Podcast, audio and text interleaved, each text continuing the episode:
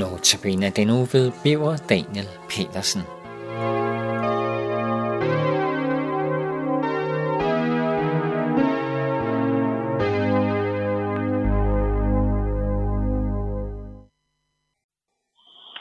De ord fra Bibelen, som skal være denne andags tema, finder vi i profeten Isaias' bog, kapitel 9, vers 1. Derfor læser jeg nu. Det folk, som vandrer i mørket, skal se et stort lys.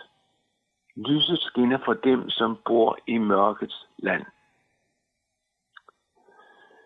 Også det vers finder vi gengivet i Nye Testamente. Det er præsten Zacharias, Zacharias far til Johannes Støber, som efter han gennem nogen tid ikke kunne tale, og da han altså får mele tilbage, siger om Jesus, der skal komme. Takket være vor Guds inderlige barmhjertighed, hvor med solopgangen fra det høje vil besøge os for at lyse for dem, der sidder i mørket og i dødens skygge.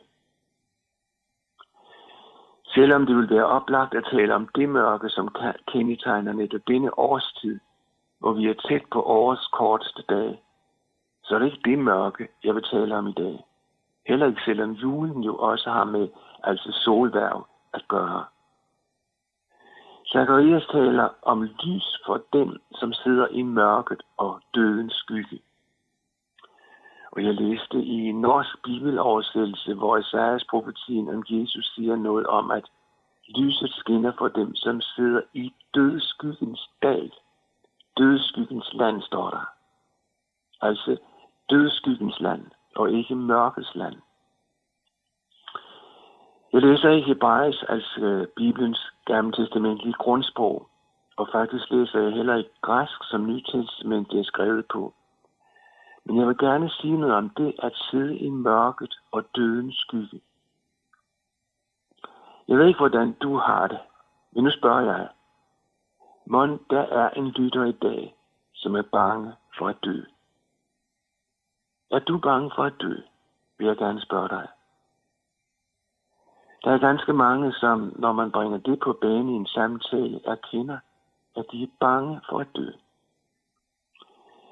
I de, I de år, jeg har levet, har jeg oplevet ret så mange forskellige situationer, der hvor mennesker var helt ude ved kanten. Jeg husker en, et kristen menneske, som vi besøgte.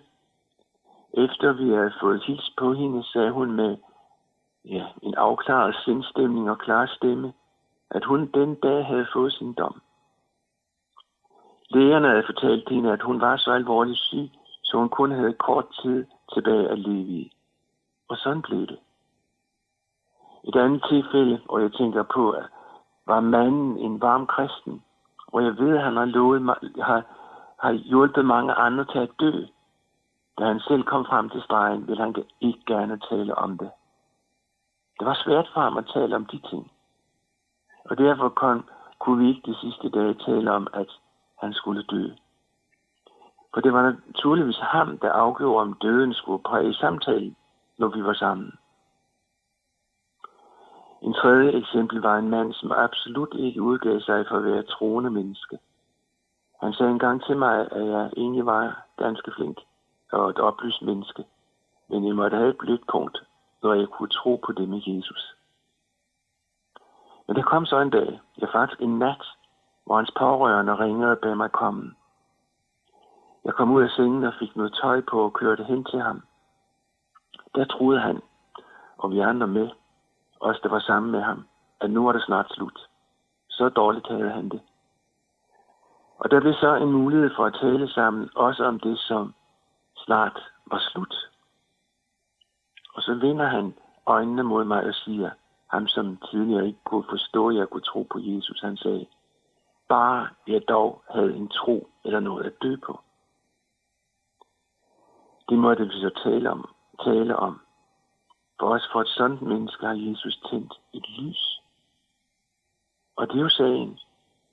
For Jesus kom som lyset, der lyser op også i de hjerter, som sidder i mørket og dødens skygge. Og nu skal du lige høre, hvad Jesus har gjort for dig, som lytter, og som erkender, at du er bange for at dø. Vi skal dø, fordi vi er syndere, siger Bibelen. Og det er en fuldstændig, der er en fuldstændig stabil statistik for, at det sker. Men inde i den virkelighed har Jesus gjort noget, som tænder håb og lys. For Jesus, der blev menneske, som blev født som lys i mørket, hans mission var at tage det væk, som skiller os fra den hellige Gud. Jesus tog ansvaret for vores synd på sig og mødte Gud. Derfor måtte han dø. Og det gjorde han på et kors. Men døden kunne ikke fastholde Jesus, og selvom dødens kræfter er så enorme og massive, så knækkede Jesus netop de kræfter. Han vandt over døden, besejrede den. Og nu siger han, den som tror på mig, og hør så, den som tror på mig, skal leve, og man end dør. Det er virkeligheden. Prøv at høre det igen, for nu kommer lyset jo også ind i dit liv. Jesus siger til dig, den som tror på mig, skal leve, og man end dør. Jesus vil give dig et evigt liv hos Gud. Og det må du have lov til at tro. Hvordan giver Gud mennesker denne virkelighed? Det gør han blandt andet ved, at man hører det gennem ord, der siges. Ind i dit hjerte, også i det hjerte, der frygter døden. Prøv at høre det. Jesus har klaret din sag med Gud, og han vil være sammen med dig ved død og grav. Det må du have lov til at tro. Forstår du, at når Bibelen bruger så stærke billeder som lys og mørke, og sætter det i forbindelse med ham, som er lyset, nemlig Jesus, så er det fordi, du skal få den virkelighed som din. Gud velsigne dig til at tro det.